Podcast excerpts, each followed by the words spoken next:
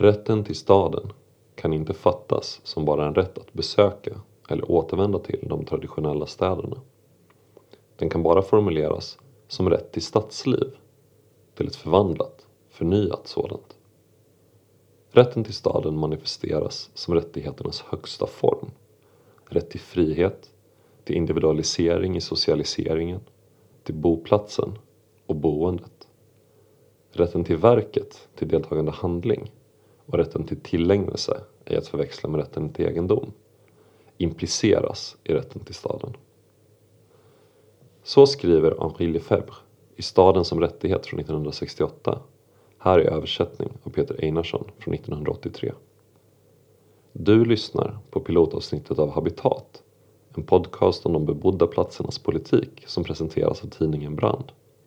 Jag som pratar är din värd, Viktor.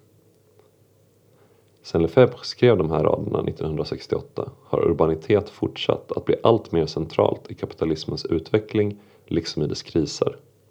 Och parallellt med detta har kampen om staden blivit allt mer central i klasskampen och i snart sagt alla sociala konflikter. Avsikten är att Habitat ska vara en podd som utforskar dessa konflikter. Som tar sig an städernas form och deras innehåll. Som utforskar historiska, ideologiska och geografiska kontexter men som också dyker ner i partikulariteter som hjälper till att förstå de större sammanhangen. Utgångspunkten är kampen för rätten till staden, till det förvandlade stadslivet, till verket och tillägnelsen. Välkommen!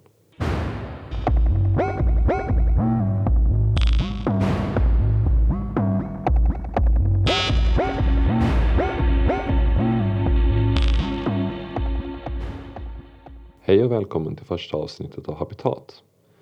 Jag sitter här med Marcus Mohall, en annan medlem av brandredaktionen, eh, som är den första gästen i den här podden. Kanske inte sista gången du är med i den om vi tar och fortsätter med den. Du är ju en person med stort intresse för olika frågor relaterade till eh, politiska konflikter kring staden kan man väl säga. Stämmer absolut. Hej hej. Och idag ska vi prata om eh, något som du inte bara är liksom intresserad av som aktivist eller liksom från ett politiskt perspektiv utan det är också något du håller på med ett, eh, ett forskningsprojekt kring. Eller hur? Precis, en avhandling. Och vad är det då vi ska prata om för spännande? Det här avsnittet kan man säga tar sin utgångspunkt i eh, den 6 oktober i år när eh, priserna i tunnelbanenätet i Santiago, huvudstad i Chile, höjdes med ungefär 30 pesos vilket är knappt 4% i prisökning. Eh, det utlöste protester i form av massplankningar vilket från början drevs av ja, aktivister, många studenter och som snabbt växte, eh, växte sig väldigt stora. Det blev liksom en stor proteströrelse egentligen kan man säga. Den 18 oktober så skedde en rad eh, aktioner eller attentat eh, beroende på lite vem man tänker då gjorde det här mot tunnelbanestationer runt om i Santiago framförallt i fattigare områden. Ett gäng tunnelbanestationer brändes ner helt och hållet liksom, så totalförstördes mer eller mindre. Den 19 oktober utlystes ett undantagstillstånd i landet och den politiska konflikten i Chile har egentligen bara förvärrats sedan dess. Då har det varit en fortsatt eskalering under november. Vi är nu inne i en situation där det är rätt många människor som blivit döda, lemlästade på olika sätt. Det är ju liksom en väldigt dålig situation i Chile. Eh, samtidigt som det på vissa sätt kan sägas vara en ganska hoppfull situation med väldigt så här, livaktiga, kraftfulla folkliga protester med liksom ett väldigt tydligt klassinnehåll. Det här avsnittet ska inte handla om Chile utan vi backar eh, lite igen tillbaks till det här med tunnelbanan och prishöjningen i tunnelbanan. Eh, man kan säga att Chile kanske är det senaste och möjligen ett av de mest kraftfulla exemplen på hur konflikter kring kollektivtrafik, politiska konflikter kring kollektivtrafik hamnat i liksom centrum för eh, olika liksom, sociala konflikter och konflikter kring staden eller liksom det urbana livet i, i eh, en vidare bemärkelse. Eh, ett annat starkt exempel på senare år är också i Latinamerika i eh, Brasilien 2013 där de så kallade vinäger, ja, den så kallade vinägerrevolten tror jag man säger. Eh, den kallas så för att eh, folk greps om de hade vinäger med sig eftersom man kan använda vinäger som en liksom, ja, mot, mot tårgas typ. Det var liksom också en jättekonflikt. Det var ju upprinnelsen till fotbolls-VM som fick rätt mycket bevakning kopplat till det här i Europa. Men egentligen så var det liksom inte, det är klart att det hade någonting med fotbolls-VM att göra men den konflikten var egentligen året innan framförallt och hade mycket att göra med eh, levnadskostnader och det började precis som i Chile med konflikter kring en prishöjning i kollektivtrafiken i Sao Paulo. Och eh, konflikterna drevs egentligen huvudsakligen av en rörelse som heter Momento eh, Passe Libre, också ursäkta uttalet, men som är en, en nolltaxerörelse kan man säga i Brasilien med rötter till tidigt 00-tal. Den grundas ungefär samtidigt som Planka.nu i Sverige, eller ja, lite efter men i ungefär samma veva kan man säga. Vi kommer liksom kanske prata om andra exempel också men vi tycker oss väl skönja den här utvecklingen där politiska konflikter kring kollektivtrafik verkligen liksom hamnat i centrum. Och det är ju det här man kan säga att, att eh, du forskar om Marcus i din, ditt avhandlingsprojekt. Alltså just de politiska konflikterna kring kollektivtrafikplaneringen. Absolut, det kan man säga. Eh, någonstans vill jag säga att jag, det jag är intresserad av egentligen är kampen och konflikten om vilken typ av infrastruktur kollektivtrafik ska vara, för vem och hur och eh, varför det är så svårt och vilka sociala och ekonomiska processer det som påverkar eh, och styr kan man säga hur de krav som väldigt ofta finns på att kollektivtrafiken ska möjliggöra just en sån här form av eh, rätt till staden. Mm. För det är så svårt att förverkliga det. Det är ju verkligen svårt att förverkliga. Det finns alla de här konflikterna men som vi också kanske ska prata lite mer om så finns det ju inte jättemånga exempel på att man verkligen framsteg. Samtidigt så finns det en parallell utveckling med mm. liksom fler och fler städer runt om i ja, Europa framförallt som inför nolltaxa. Men det finns ju exempel på andra håll i världen också.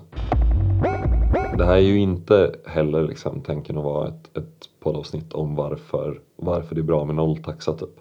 Alltså, kan försöka sammanfatta det helt kort. Liksom. Alltså, det är ju någonting som framförallt Planka.nu eh, men också ja, andra liksom, rörelser i den radikala vänstern drivit i Sverige de senaste 20 åren eller så och som numera också är upplockat som ett krav av Vänsterpartiet exempelvis. De har ju det i sin politiska plattform nu för tiden. Mm. Sena på bollen som vanligt. Eh, eh, men man kan säga att det handlar ju dels då om ja, att liksom vara mot privatisering och marknadsanpassning av eh, infrastrukturer, alltså mot nyliberalism och liksom hela den utveckling vi haft hela den offentliga sektorn liksom de senaste åren med eh, upphandlingar och liksom sådana saker. Liksom så. Mm. Det handlar ju dels om det ineffektiva, alltså resursslöseriet i att ha ett betalningssystem mm. som är liksom, ja det är ju enormt dyrt att ta betalt i kollektivtrafiken eftersom det är så nödvändig infrastruktur så mm. använder folk av sig av den ändå. Det skapar liksom ett behov av ett kontrollsystem som blir väldigt tungrot. I synnerhet Stockholm är ju ett starkt exempel på det i Sverige kan man ju säga. Det handlar om att resan egentligen är en del av arbetsdagen hos människor och det finns en orättvisa liksom i att vi ska hålla på att betala för när vi egentligen arbetar kan man säga. Och det handlar om ett motstånd mot en allmän utveckling, mot ett starkare kontrollsamhälle och ett motstånd mot hur just liksom kontrollmekanismerna i kollektivtrafiken också blir en förlängning av gränsbevakningen eh, mot människors rätt att eh, befinna sig på olika platser utifrån medborgarskap, sådana saker. Alltså mot, mot gränser egentligen. Och det handlar ju förstås eh, i grund och botten också om klimat och naturresurser. Alltså att vi behöver ställa om till ett samhälle som inte eh, fortsätter att accelerera den globala uppvärmningen. Eh, utan helst liksom, vi behöver liksom försöka avbryta den i den mån det går. Och då kan vi liksom inte hålla på och satsa på att liksom göra kollektivtrafik på lokal nivå svårtillgängligt mm. och hänvisa folk till mycket mer liksom klimatineffektiva resesätt som till exempel bilar.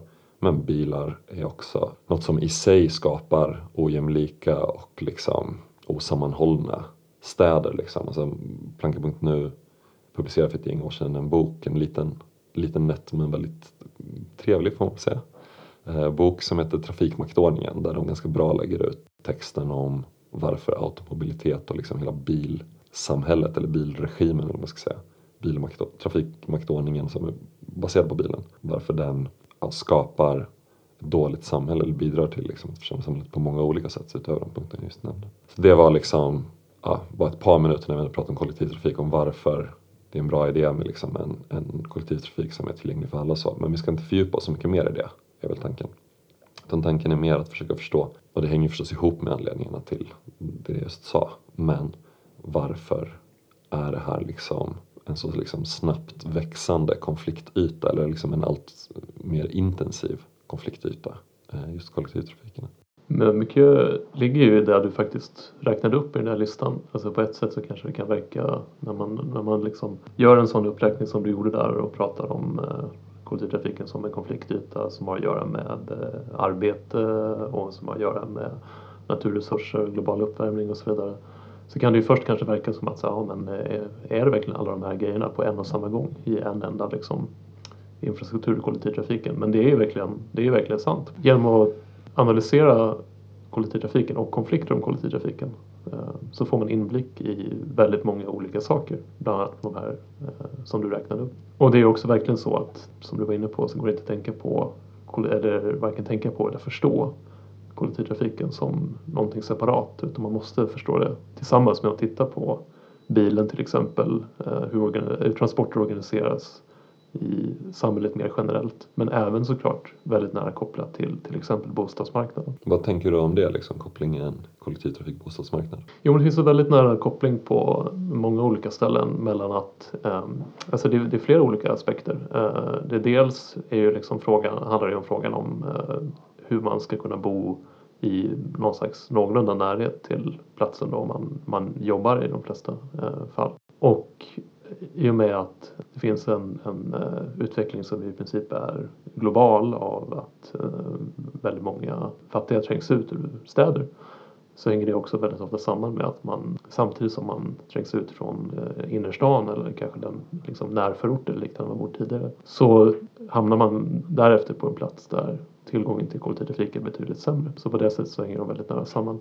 Sen finns det också en koppling till att kollektivtrafiksatsningar inte sällan, väldigt mycket i USA men även på många andra ställen används som ett sätt att driva upp eh, bostadspriser. Alltså det finns i USA till exempel så finns ett ökat intresse eh, av, jag säga, för att generalisera väldigt mycket, men en, en ung vit medelklass som till skillnad från deras föräldrar som ville flytta ut i förorten nu vill bo inne i stan eh, och ofta då faktiskt också köra mindre bil i alla fall tills de skaffar barn. Och då vill de gärna bo i närheten av eh, framförallt tunnelbana. Därför så finns ett incitament i många städer att man eh, lanserar kollektivtrafiksatsningar och motiverar dem genom att man bygger nya tunnelbanestationer till exempel och samtidigt så bygger man eh, nya, ofta då väldigt dyra bostäder, oftast lägenheter i närheten.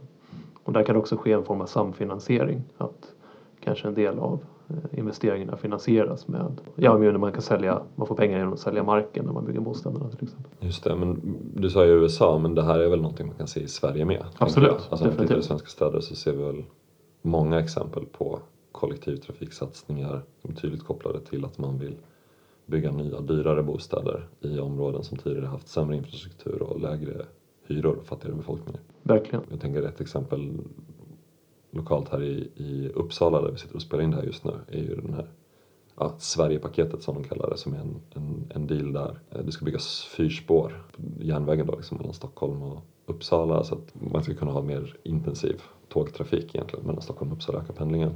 Och som en slags motprestation liksom som Uppsala kommun eh, och Knivsta kommun står för mot att staten bygger den här nya järnvägen då så ska det byggas massa bostäder eh, och då byggs de liksom i anslutning till nya stationer som ligger längre söderut i områden som i dagsläget är liksom, i Uppsala då Gottsunda som är det fattigaste området i Uppsala, eller ett av de två, två tre fattigaste områdena. Eh, det är rikskänt för att eh, det ska vara så himla farligt där.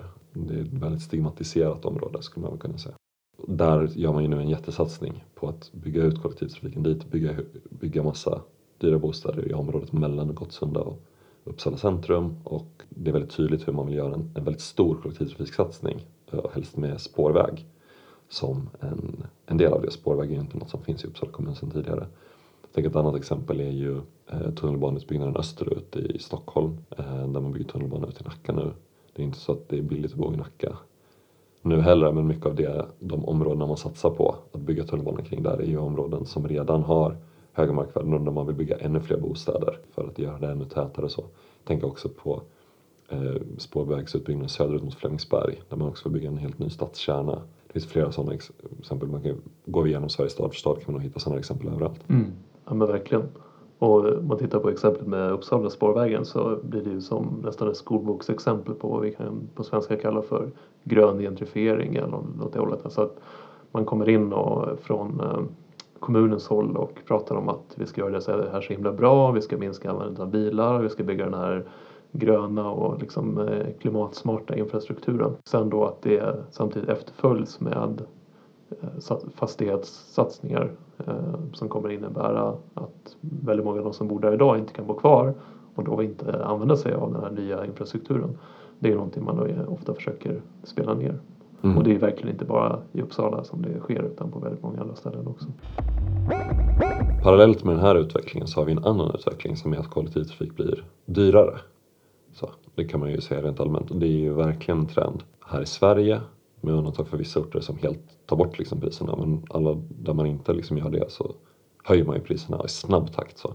Men det är också någonting vi ser runt om i världen. Det, är liksom, det kan ju te sig paradoxalt vid en första anblick att man satsar så mycket på bygga ut kollektivtrafiken och att man samtidigt höjer priserna och på så sätt gör den mer svårtillgänglig. Ja men verkligen. Och det är ju väldigt, alltså på ett sätt kan det ju framstå som svårt att förstå att eh, det både finns eh, en slags ganska liksom, eh, i alla fall som det kan verka, brett intresse från den styrande politiska makten i Stockholm till exempel, att fler ska använda kollektivtrafiken.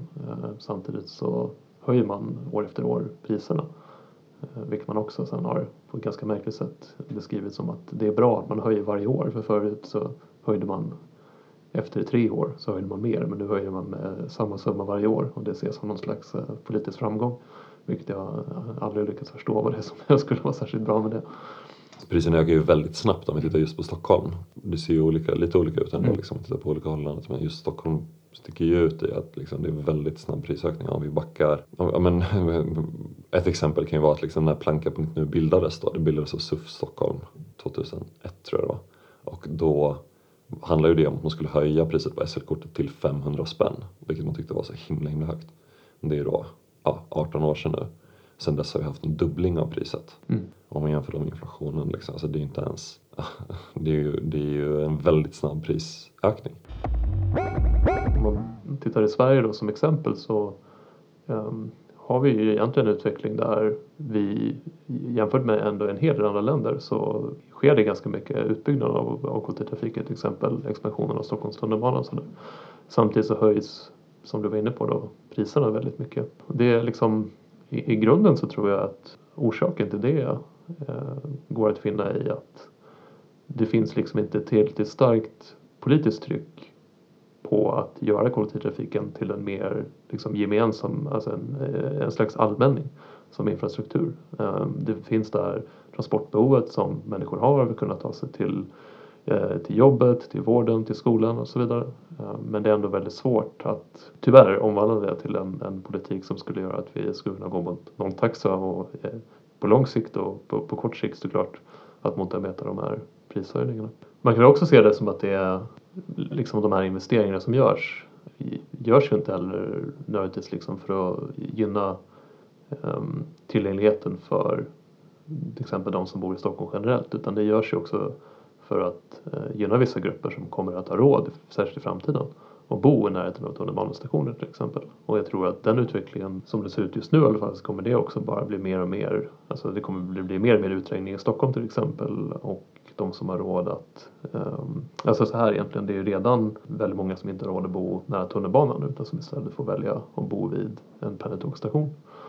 Uh, och det kommer nog bara bli mer så egentligen att man kommer tryckas längre och längre ut och då kommer det finnas helt enkelt uh, sämre tillgång till kollektivtrafik dit, på de platser dit fler kommer att behöva flytta. Så liksom de som har råd att bo nära tunnelbanan också kommer ha råd att typ betala för Absolut. de nya högre priserna, typ något åt det hållet? Definitivt, definitivt så det blir ju en ganska stark kontrast liksom om man tänker med liksom de boende i, i eh, Santiagos utkanter liksom som, som eh, får den här 30 pesos höjningen och liksom svarar med de här omfattande liksom massiva protesterna. Det verkar liksom vara ganska annorlunda liksom hur behovet av kollektivtrafik, alltså på något sätt så var det såklart stadsutveckling och eh, hade att göra med var folk skulle kunna bo och så vidare när man byggde eh, kollektivtrafik på 50, 60, 70-talet också liksom. Men då handlar det på något sätt mer kanske om att arbetarklassen skulle kunna ta sig till sina jobb då liksom i fabriker eller, eller så. Eller att liksom den då växande medelklassen skulle kunna ta sig Mm. in till stan smidigt och sådär liksom. Medan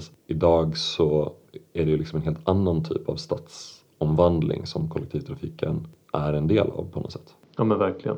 Så jag var inne på det här med att eh, försöka liksom driva upp bostadspriser och liknande. Definitivt en del av det. Sen är det ju också så om man tittar på Stockholm så, så är det ju ändå eh, så att eh, kollektivtrafiken och definitivt tunnelbanan används ju av ganska liksom eh, bred uppsättning av eh, folk. Alltså är det ganska, liksom, det används ju inte bara av liksom, den, den, den fattigare delen av arbetarklassen utan Mm. den har ju liksom en ganska bred använd, användningsgrupp och rätt många så här, tar ju inte bil i stan även om de liksom, skulle ha råd med det.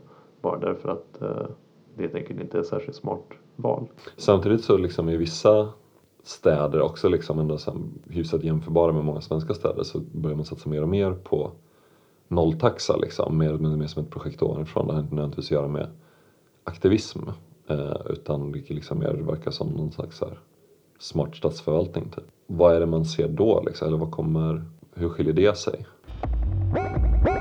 Ett exempel som jag, man ser ibland är det här med att det finns någon studie, jag tror att det var i Belgien, om att det var när de införde nolltaxa så var det fler som besökte anhöriga och vänner som låg på sjukhus till exempel. Mm. Och det är ju en väldigt bra sak såklart. Men, eh, nej men jag tror att um, nolltaxeprojekten är väl också lite grann ibland för, har jag uppfattat det som i alla fall, kanske att försöka marknadsföra sig lite grann. Jag tror definitivt att det är det i, i, i Tallinn till exempel. Jag kan tycka att det liksom lite ser ut som små liksom motexempel som ja, men aktivister som vill just göra kollektivtrafiken mer allmän, som du säger, gärna vill eh, peka på för att se, visa just på nytta och sådär. Samtidigt som det verkligen är långt ifrån att vara någon allmän tendens. Det, det finns en sån tendens och den kommer nog finnas kvar säkert. Men den är fortfarande ganska marginell jämfört med den här allmänna utvecklingen som är mycket mer liksom repressiv. Typ. Kan man förvänta sig att den ska bli mer mainstream typ? Eller är det här ändå liksom mer kopplat till mer liksom klasskonflikten som vi pratade om i början? Mm. Jag, jag tror att det är en utveckling som kan komma att bli mer mainstream på vissa ställen. Eh, just för ett sätt att alltså, signalera liksom, för en stad att så här, vi är moderna liksom, och försöker eh, gå mot en så här, fossilfri eh, transportinfrastruktur och sådär i vår stad. Men jag tror att det man måste liksom eh, titta på när det gäller nolltaxa är ju också eh, vad för andra åtgärder som nolltaxan kombineras ihop med. Alltså det räcker ju inte att man har en, det är klart att det alltid är bra med nolltaxa. Men det finns ju eh, ofta faktiskt en oro som är, jag tycker egentligen ganska legitim från, från vissa håll när man pratar om nolltaxa. Att, att eh, vissa är oroliga för att ska det liksom leda till att ehm, det kommer bli mindre pengar till eh, att liksom, eh, få kollektivtrafiken att fungera och bygga ut den på det sätt som skulle kunna behövas. Och det finns också en, ofta en oro från de som jobbar i kollektivtrafiken, vilket är en grupp som ganska ofta glöms bort i diskussioner om att de är oroliga över deras arbetsvillkor, löner och så vidare. Och jag tror att allt det där är liksom väldigt viktigt att, att ta i, i beaktning. Så att jag tror att det är mycket möjligt att vi kommer få se fler städer som kommer att gå mot nolltaxa. Jag tror inte att det kommer hända i Stockholm, tyvärr. Inom de närmaste åren i alla fall. Ja. Ehm, eh, jag jag tror, tror att i princip alltid är bra om det införs nolltaxa. Men det, man kan inte liksom bygga en, ehm, en socialt rättvis Mm. eh, kollektivtrafik genom att bara införa nolltaxa. Utan det måste vara en del av ett mycket bredare politiskt program. Just i Stockholm så, hur är det? Har de, det, var- någonting med att det var något projekt som blev lite dyrt där i landstinget. De har inte det superbra ekonomi. Nej, just det. Ja, just det. De skulle bygga något sjukhus tror jag det var. Okej, ja. Ja men det, är så, det, det är många omständigheter som kan spela in. Liksom. Och så har vi byggt där NK Express också. Den här eh, spårvagnen. Spårvagnen, Ja, vad är det? NK Express kallas det för. Det är den som går mellan eh, Djurgården och Ja, just det, på. Hamngatan. Ja, NK Express. Ja, men det är verkligen perfekt om man ska åka från NK till Djurgården.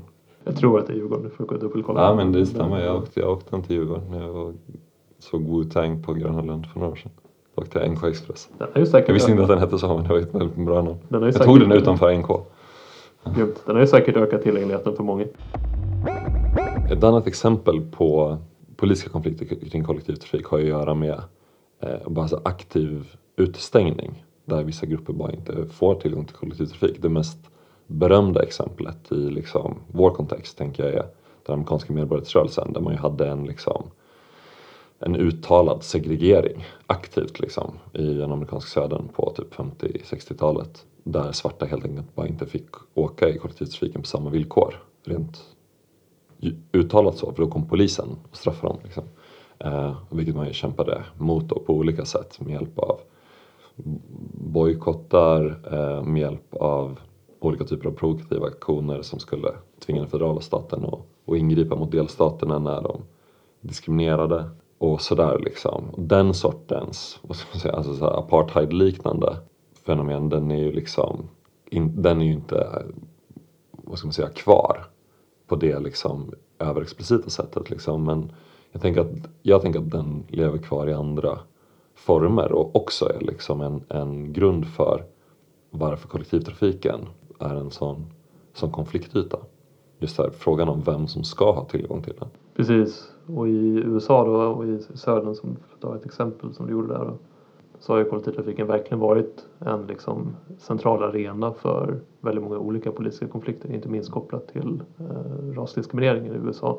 Både under den tiden då den var liksom, eh, alltså, eh, lagstyrd och även, även senare eh, efter att det som kallas för Jim Crow-lagarna eh, avskaffades. Um, och det har ju liksom dels handlat om att dels liksom utestängningen av eh, svarta från kollektivtrafiken, liksom marginalisering genom, genom det. Um, och även senare uh, under 60-70-talet när uh, kollektivtrafiken byggdes ut på många ställen i USA byggdes den ofta även då ut för att gynna områden som var dominerade av vita invånare snarare än svarta invånare. Trots att det då fanns ett väldigt starkt tryck från medborgarrättsrörelsen uh, på att Eh, när man byggde nya kollektivtrafiksystem att de skulle gynna eh, de svarta invånarna som inte minst ofta jobbade i rika vita områden eh, och behövde kunna ta sig dit till exempel. Sen har det även senare och definitivt även idag funnits en aspekt av kollektivtrafiken som handlar om att man inte vill att kollektivtrafiken, eller rättare sagt, för att om det, att vita invånare inte vill att kollektivtrafiken ska gå till den plats de bor på, ofta ute i förorten. Helt enkelt för att man inte vill att eh, de svarta invånarna som bor inne i stan ska kunna ta sig ut dit.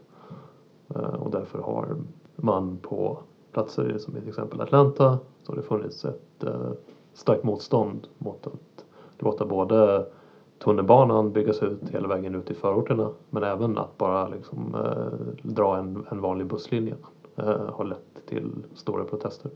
Mm. Protester från de vita invånarna i vad ska man säga, självvalt segregerade områden. Exakt, och där finns ju också verkligen den här eh, i flera städer i USA så finns ju verkligen den här dynamiken som vi var inne på lite förut också som har att göra med bostadsmarknaden. Att priserna går upp väldigt mycket in i stan eh, och de eh, ofta då svarta invånarna men eh, i, i hög utsträckning också andra minoriteter till exempel eh, personer från Mexiko inte längre har råd att bo inne i stan där kollektivtrafiknätet oftast är eh, störst utan istället så trycks man ut i förorten, eh, hamnar på en plats där har man tur så finns det kanske någon buss men förmodligen inte ens det. Eh, och det hänger verkligen ihop med den här eh, utvecklingen av att priserna går upp in i stan då, ofta inte minst som ett resultat av att man bygger dyrare lägenheter, eh, kanske i närheten av nya tunnelbanestationer.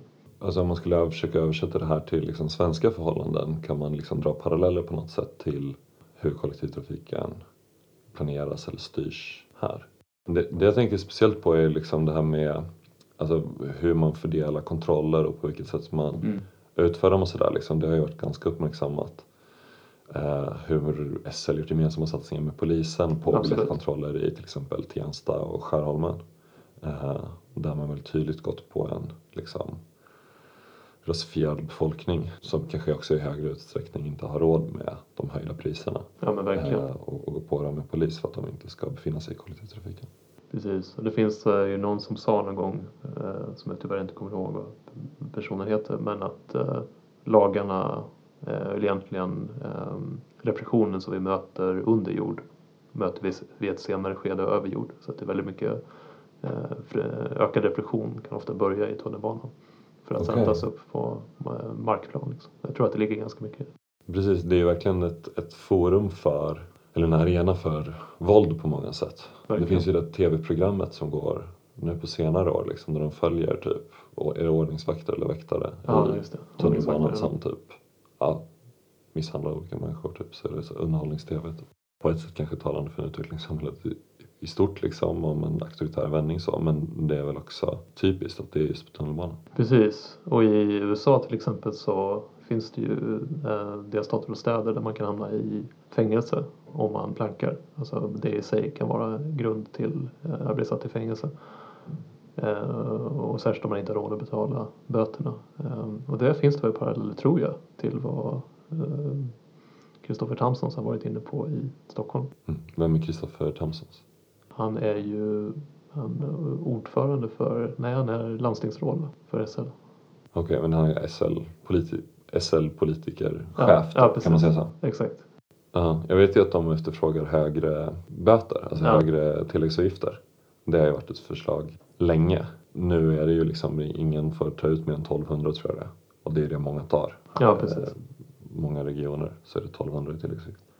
Men jag vet att från Stockholm har man efterfrågat att det ska vara högre liksom för att nu man ser inte en tillräckligt stor avskräckande effekt tycker man. Då tänker man att så här 1200 på ett bräde för väldigt många som åker dit är ju kanske för mycket att få betala första gången liksom, till att börja med. Det är ju väldigt mycket pengar. Speciellt om du går på försörjningsstöd exempelvis. Då har du ju ingen chans att betala det Verkligen. utan en avbetalningsplan. det är otroligt mycket pengar. Och All- Alliansen genom Tamsons i Stockholms landsting har ju verkligen också sagt uttryckligen att eh, alltså en, en kraftig ökning av kontrollerna är någonting de, prior- de prioriterar. Men det är inte bara i Stockholm som vi ser just den här prioriteringen av ökning av kontrollerna. Utan kan man säga att det är liksom en trend i hela Sverige. Ja, det skulle jag säga. Här i Uppsala exempelvis eh, så har man ju gjort en stor reklamkampanj kring att man ökar kontrollerna. Mm. Jag vet inte, jag tror den är i skrämselsyfte, eller det är så jag uppfattat det. Tror jag Se- nu till att betala biljetten för vi kommer göra fler kontroller. Jag tror inte det är så här, titta vad bra att vi gör fler kontroller. Det finns väl lite sån också, Mm. men jag tänker att det framförallt är just så här att, att folk ska betala mer.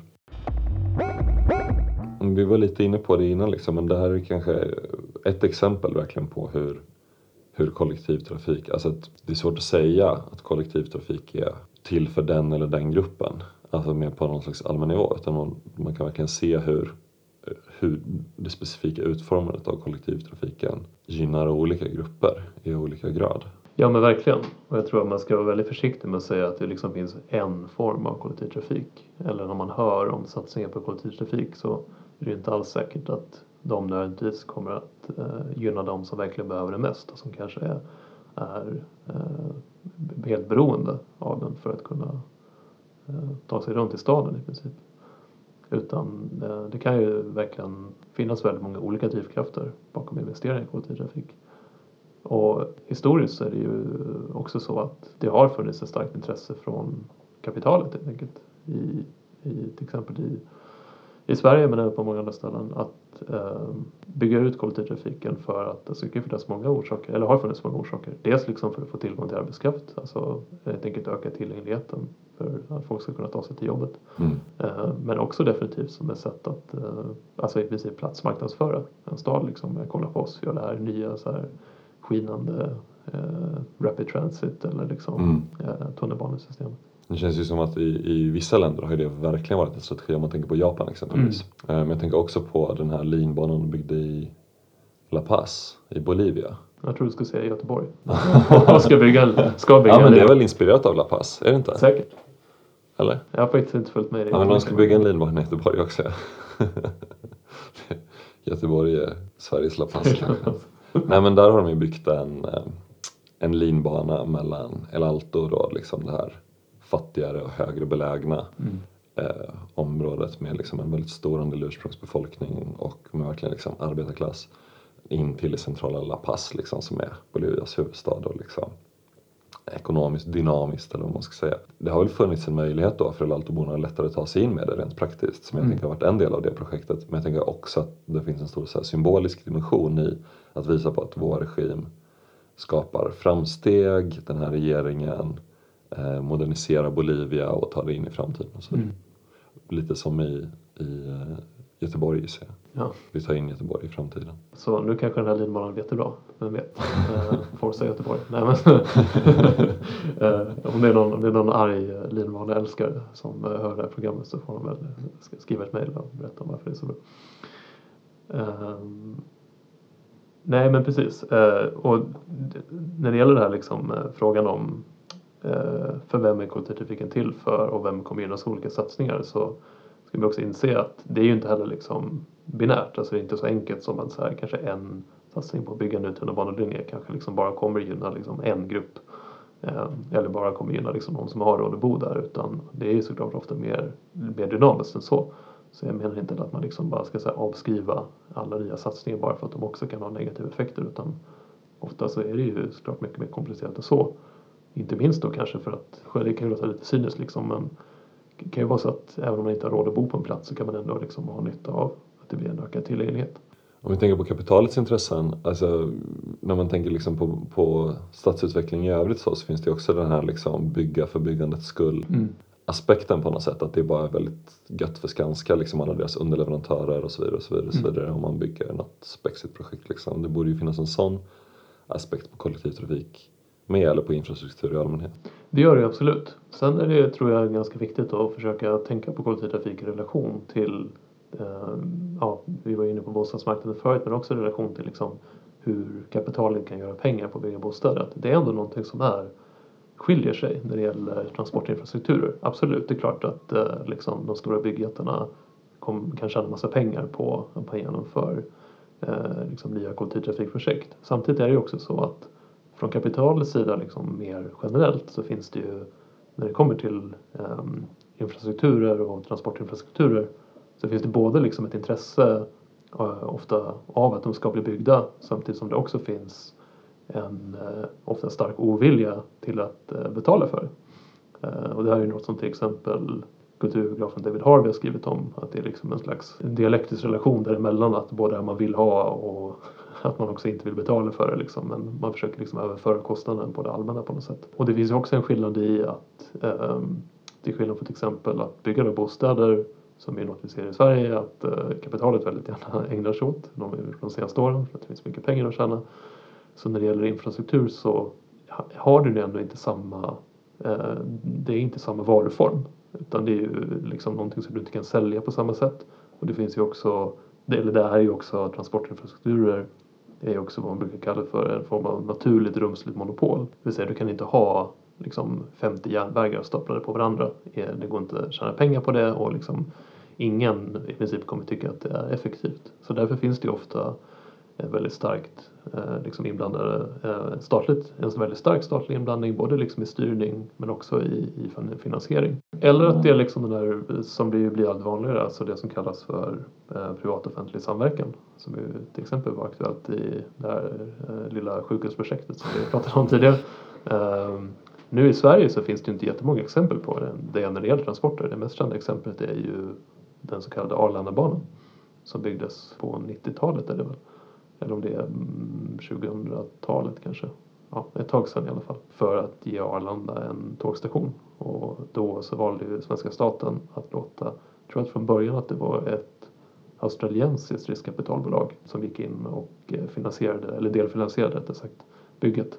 Och idag så ägs det väl av, eh, delvis av kinesiska staten, av kommunistpartiet.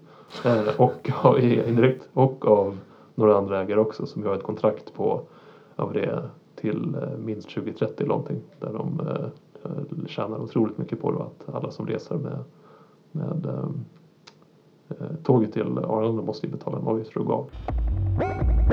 Då kan man ju säga så här också, okej okay, visst så här, kanske att så här, de som reser till Arlanda liksom kanske inte är så här den, den liksom absolut viktigaste liksom gruppen, eller kanske inte den så här mest centrala liksom, transportbehovet Eh, som finns. Men samtidigt så är det ju också så här, den, den, den modellen är någonting som, jag vet inte om vi kommer få se mer i Sverige liksom nu närmaste tiden därför att det, väldigt, väldigt många, även från högern, är ju liksom väldigt skeptiska till hur det genomfördes. Det har inte varit en jättebra affär att marknadsföra som ett lyckat liberalt projekt. Men är det liksom något som man kan tänka att det finns som utbrett intresse av från kapitalets sida det, framöver? Alltså tänker du att det kommer öka i takt med takt med någon annan utveckling? Alltså, det är jättesvårt att svara på, verkligen. Um, jag tror att det kan säkert finnas ett, intresse att göra det i vissa, alltså om man tittar på Sverige, jag tror att det kan finnas ett intresse att göra det i de sammanhang där det verkligen är säkert att man kommer kunna göra en riktigt fet vinst. Som till exempel med Arlandabanan. Men annars tror jag generellt att eh, det fortfarande är så att om man tittar på till exempel, vi frångår då kollektivtrafiken lite grann, men man tittar på den liksom eh, nationella järnvägen i Sverige så är det ju visst, vi har liksom eh, privata bolag som kör tåg olika sträckor och sådär. Men det är ju väldigt få sträckor som man kan göra vinst på. Det är ju som jag förstår i alla fall i princip Stockholm-Göteborg och Stockholm-Malmö. Liksom, de skulle ju aldrig kunna, alltså de, skulle, de företagen skulle ju aldrig vara intresserade av att eh, bygga, expandera och finansiera underhållet av hela järnvägen. Det skulle vara fullkomligt ohållbart. Men om man tänker på om man tänker på liksom de här konflikterna som har funnits just kring, kring prishöjningar och folk som bor i ytterområdena och sådär som vi började lite i. Liksom. Om man tänker den här utvecklingen som du tecknar lite i Sverige nu, kan vi liksom förvänta oss mer åt det hållet i Sverige också? Alltså det finns ju exempel här i Sverige, som sagt Planka.nu är väl mest kända och det har funnits olika initiativ kring att tillgängliggöra kollektivtrafiken i högre grad. Men, men de här riktigt stora protesterna mot prishöjningar exempelvis, är det något vi kan tänka oss få se mer av här? Kanske. Alltså man kan ju alltid hoppas i alla fall. Jag tror att det är svårt att säga också med liksom vilka säga, stora reaktioner det blir på att tillgängligheten till kollektivtrafiken försämras. Till, till exempel genom prishöjningar då. Eh, jag menar som jag förstått det med de här exemplen du tog upp med Chile till exempel så är det ju så att självklart är ju det en att det blir så stora protester det är självklart en reaktion på att folk får det sämre eh, och liksom för att priserna höjs och för att deras tillgänglighet försämras. Men det är också väldigt nära kopplat till liksom, andra politiska mm.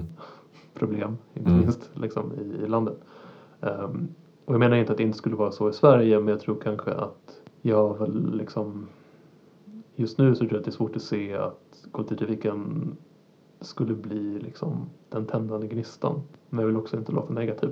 Eh, jag tror att det är, alltså, och det är ju verkligen liksom vad som Planka.nu har visat på liksom att det är verkligen så här det är verkligen en infrastruktur som Alltså dels självklart, det behövs liksom politisk mobilisering kring den. Men det är också liksom, alltså ska man vara lite så här krass vad gäller liksom, eh, politisk aktivism så är det också så här, det är ganska bra att ta sin utgångspunkt i kollektivtrafiken för att liksom eh, få fram ett bredare politiskt projekt eftersom att det är någonting som väldigt många använder, liksom har åsikter om, någonting som väldigt många lider av när det blir sämre och liksom någonting som väldigt många skulle bli, vilja att det skulle bli bättre på väldigt många olika, olika sätt. Mm. Definitivt.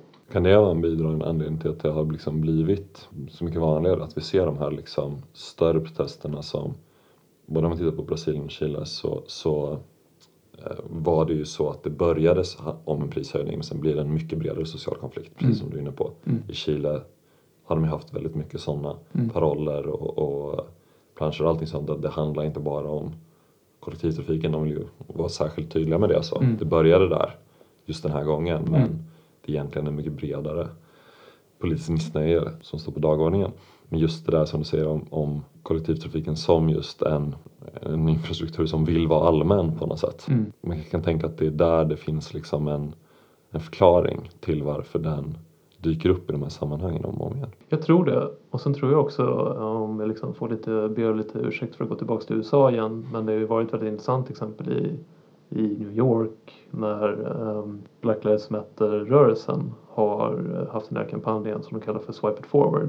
Där de har liksom gått ner till spärrarna i kollektivtrafiken och uh, släppt igenom folk liksom med sina kort. Uh, för att liksom, och sen har de marknadsfört, äh, inte marknadsfört, de har lyft fram det väldigt mycket som att så här, det här är liksom en, en infrastruktur som eh, liksom fattiga svarta New York-bor har väldigt svårt liksom att använda mm. sig av fast de verkligen behöver den. Eh, och det här är vårt sätt att visa att så här, det här är någonting som eh, inte fungerar, som är liksom ojämlikt och någonting som eh, vi alla behöver ha tillgång till. Och det här är ett radikalt sätt att göra det. Sen har de dessutom använt sig av någon form av lagparagraf som, eh, eller någonting i bestämmelserna i New Yorks tunnelbana som visar att det inte liksom är olagligt att det är inte olagligt att släppa igenom någon annan genom spärren med sitt kort. Sen vet jag inte exakt hur, om det där har prövats liksom, men det var i alla fall det de gick in ifrån från början och de, de har också uppmanat andra till att göra samma sak, äh, för att göra samma sak och säga att liksom, eh, alla kan swipe it, swipe it forward. Liksom. Finns det liksom en eh, begränsning också i kollektivtrafiken som konfliktyta liksom om vi tänker ur ett, ett klasskampsperspektiv? Eh, vad är liksom kollektivtrafikens stora begränsningar som arena för klasskamp? Jag tror definitivt att det finns många begränsningar. Eh, jag tror att det finns begränsningar också i, eh, ja, om man så vill kalla den konflikten mellan stad och land till exempel. Eh, att det kan vara väldigt provocerande för många som kanske inte bor i en storstad, till exempel i Stockholm. Ehm, att man pratar så mycket om Eh, att det är viktigt att eh, kollektivtrafiken blir bättre och liksom mer eh, allmäntillgänglig där till exempel när den på många andra håll i landet såklart är väldigt mycket sämre, mycket mindre utbyggd. Där det ofta faktiskt också kan vara alltså relativt sett dyrare. Det är ju ett argument som man ibland hör om priserna i Stockholm att från inte minst för de som försvarar prishöjningarna att så här, ja, men jämfört med många andra ställen så, så får du fortfarande tillgänglighet till så mycket mer. Du kan åka liksom hela regionen och så vidare Eh, för priset du betalar. Så jag tror på det sättet tror jag definitivt att det kan finnas en, en begränsning på det sättet. Ja. Är det liksom analogt med det vi pratade om om innan det här med vem som gynnas av, av vilken kollektivtrafiksatsning. Liksom. Alltså, vi, det är någonting du och jag pratar om att vi borde göra ett, ett separat avsnitt om men liksom, på något sätt så vi hade ju redan på 60-talet en liksom, lika stor andel urban befolkning i Sverige som vi har nu, typ alla bodde i städer. Men det som har hänt sedan dess är att de flesta städer har minskat kraftigt i befolkning och sen är det några få städer speciellt de tre storstäderna men sen är det typ ett tiotal städer till som, som växer och alla andra liksom utarmas på befolkning. Så den här liksom metropoliseringen eller centraliseringen man ska säga liksom, alltså det, där finns det ju också verkligen en, en dimension i liksom, alltså ur, ur kapitalets perspektiv, alltså vad man väljer att satsa på på något sätt eh, mm. eh, utifrån var, var kapitalet vill investera. Ja, Styr liksom de statliga infrastrukturinvesteringarna, kan man säga så? Ja, det, skulle, tycker jag, det tycker jag absolut att man kan säga.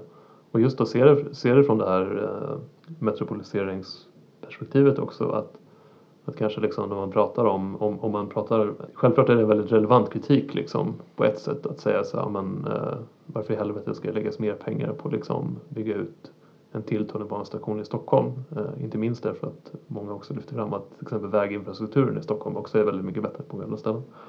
Eh, men Anledningen till att det är liksom relevant att göra det är ju såklart att typ, oavsett om man tycker det är liksom en bra eller dålig utveckling så är det ett faktum att eh, väldigt många människor eh, måste bo i storstäderna därför att det, det, liksom, det är där det, det finns jobb. Och det är ju i relation till det som trycket på kollektivtrafiken ökar men, men liksom också eh, alltså, eh, att bo i Stockholm idag till exempel är ju liksom mer och mer för väldigt många en, en väldigt osäker tillvaro. Eh, och såklart att liksom, självklart är det många som vill bo där men det är också många som inte ser att de har något annat val. Och det blir ju att ha liksom en, en eh, bra kvalitet på och i förlängningen att göra kollektivtrafik till en allmänning är ju såklart liksom en central del. Jag vet inte om det är så bra svar på, på det du är inne på. Liksom. Men... men jag tänker det är ju analogt också med eh, de här liksom andra kollektivtrafikprocesserna vi pratat om. Alltså det är ju även Santiago eller Sao Paulo är ju jättesnabbt växande metropoler, långt större än Stockholm dessutom. Med en, en stor liksom fattig befolkning som, i periferin som flyttar in från eh, resten av länderna liksom, för att ja, men som du säger, det går liksom inte att leva på andra platser. Det är ju liknande processer som om vi ser i Sverige där det investeras väldigt mycket i vissa regioner, eller i vissa punkter i regionerna. Man ska säga. Det är dit saker centraliseras. Typ. Och då skap, det gör liksom att andra platser blir liksom mycket svårare att, att leva ett vettigt liv på. och Då behöver man flytta på sig men det skapar i sin tur större svårigheter att bo på de nya platserna till exempel. Att man måste flytta längre och längre ut eh, från infrastrukturen mm. exempelvis då, i, i form av kollektivtrafik. Precis, så är det. Och sen är det ju också, alltså rent krasst så som du sa precis i början här så är ju transporterna är ju en del av arbetsdagen. Eller liksom, det är ju väldigt uppenbart att det är så. Alla som arbetar är ju liksom i den situationen att eh, det är alltid upp till en, till en själv på något sätt att lösa sina transportbehov.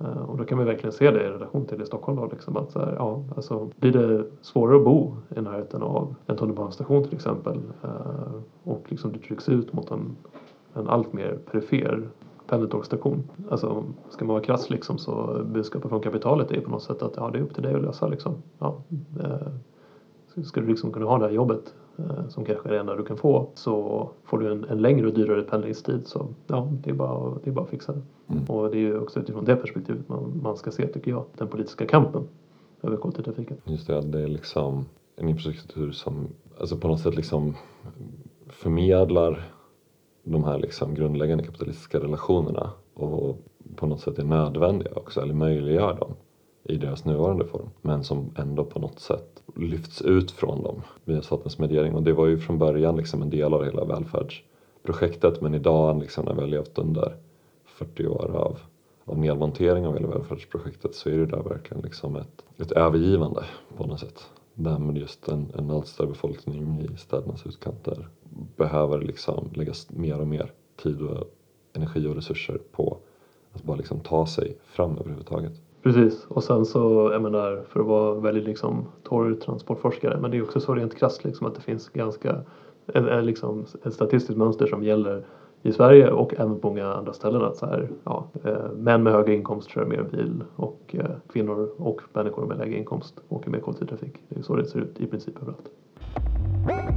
Om man ska säga några avslutande ord, vad tänker du om behoven av liksom kollektiv, alltså om man tänker kollektiv, eller trafikplanering i någon slags vidare bemärkelse, vad tänker du är liksom några huvudpunkter vi behöver, vi behöver fokusera på om man tänker ur, ur, ett, ur ett aktivistperspektiv? Ja, alltså på ett sätt så tror jag egentligen att det är liksom, eller på ett sätt är det egentligen väldigt enkelt. Alltså det behöver man ju inte liksom, man behöver inte hålla på och tänka på det här varje dag för att förstå att så här, måste ha en bättre liksom, gemensamt ägd kollektivtrafik som måste bli en allmänning och vi måste liksom minska, nu har vi inte varit inne, alltså vi har inte varit på ett sätt inne så mycket på liksom miljöaspekter. Egentligen är det tycker jag kanske så att vi inte har varit så inne så mycket på det därför att så här, det är, hör ihop med allting vi har pratat om och det är mm. på, på ett sätt ganska liksom självklart.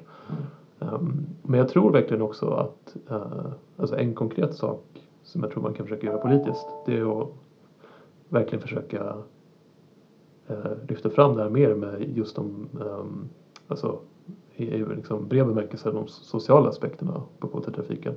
Eh, och att verkligen så lyfta fram det som en del i produktionen eh, och som en del av arbetsdagen. Eh, och jag tror att det finns mycket att vinna på det också. Man får också komma ihåg att för väldigt många människor så, alltså så här, transportinfrastruktur ser man inte som liksom, ett resultat av politiska processer liksom, utan det är bara någonting som är där helt enkelt.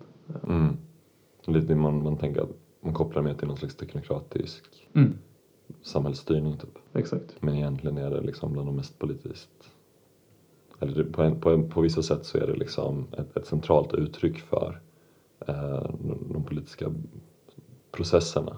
Ja men verkligen. verkligen. Och det är också ett uttryck för hur liksom, alltså det kan ju också ibland bli ett ganska bisarrt uttryck för, eller för liksom bredare politiska processer. Alltså en grej jag tänkte på som vi inte varit inne på är ju något som jag tycker är väldigt spännande som jag följt ganska mycket som är de så kallade Google Bus-protesterna i San Francisco bland annat. Jag vet inte om du har hört talas om det. Det är ju liksom Bay Area-området och så. Där är det ju så här extremt dyrt att bo. Det är väldigt mycket techbolag och sådär. Bland annat har Google då infört eh, ett eget bussystem för sina anställda. Som eh, plockar upp folk och liksom kör dem till Googles kontor varje dag. Och det de har gjort är att eh, de, alltså det är så många liksom grejer som, eh, som eh, kollektivtrafiken representerar. De representerar liksom både techbolagens makt, eh, att de driver upp bostadspriserna eh, men också att de liksom saboterar den allmänna infrastrukturen. För det finns en eh, liksom offentlig kollektivtrafik där men det Google gör att de åker in med sina bussar som är liksom omärkta men eh, de ställer sig på busshållplatserna eh, och så plockar de liksom upp folk eh, där och sen så kör de till, till jobbet. Eh, men de gör det på ett så himla respektlöst sätt därför att liksom istället för att så här, man skulle kunna liksom satsa på att bygga ut den gemensamt ägda kollektivtrafiken så gör de såklart bara sin egen liksom, privata lösning samtidigt som det också blir så här slag i ansiktet liksom, på folk som bor där som eh, såklart vill ha bättre kollektivtrafik men som också vill kunna liksom, bo kvar inne i stan av väldigt många olika orsaker.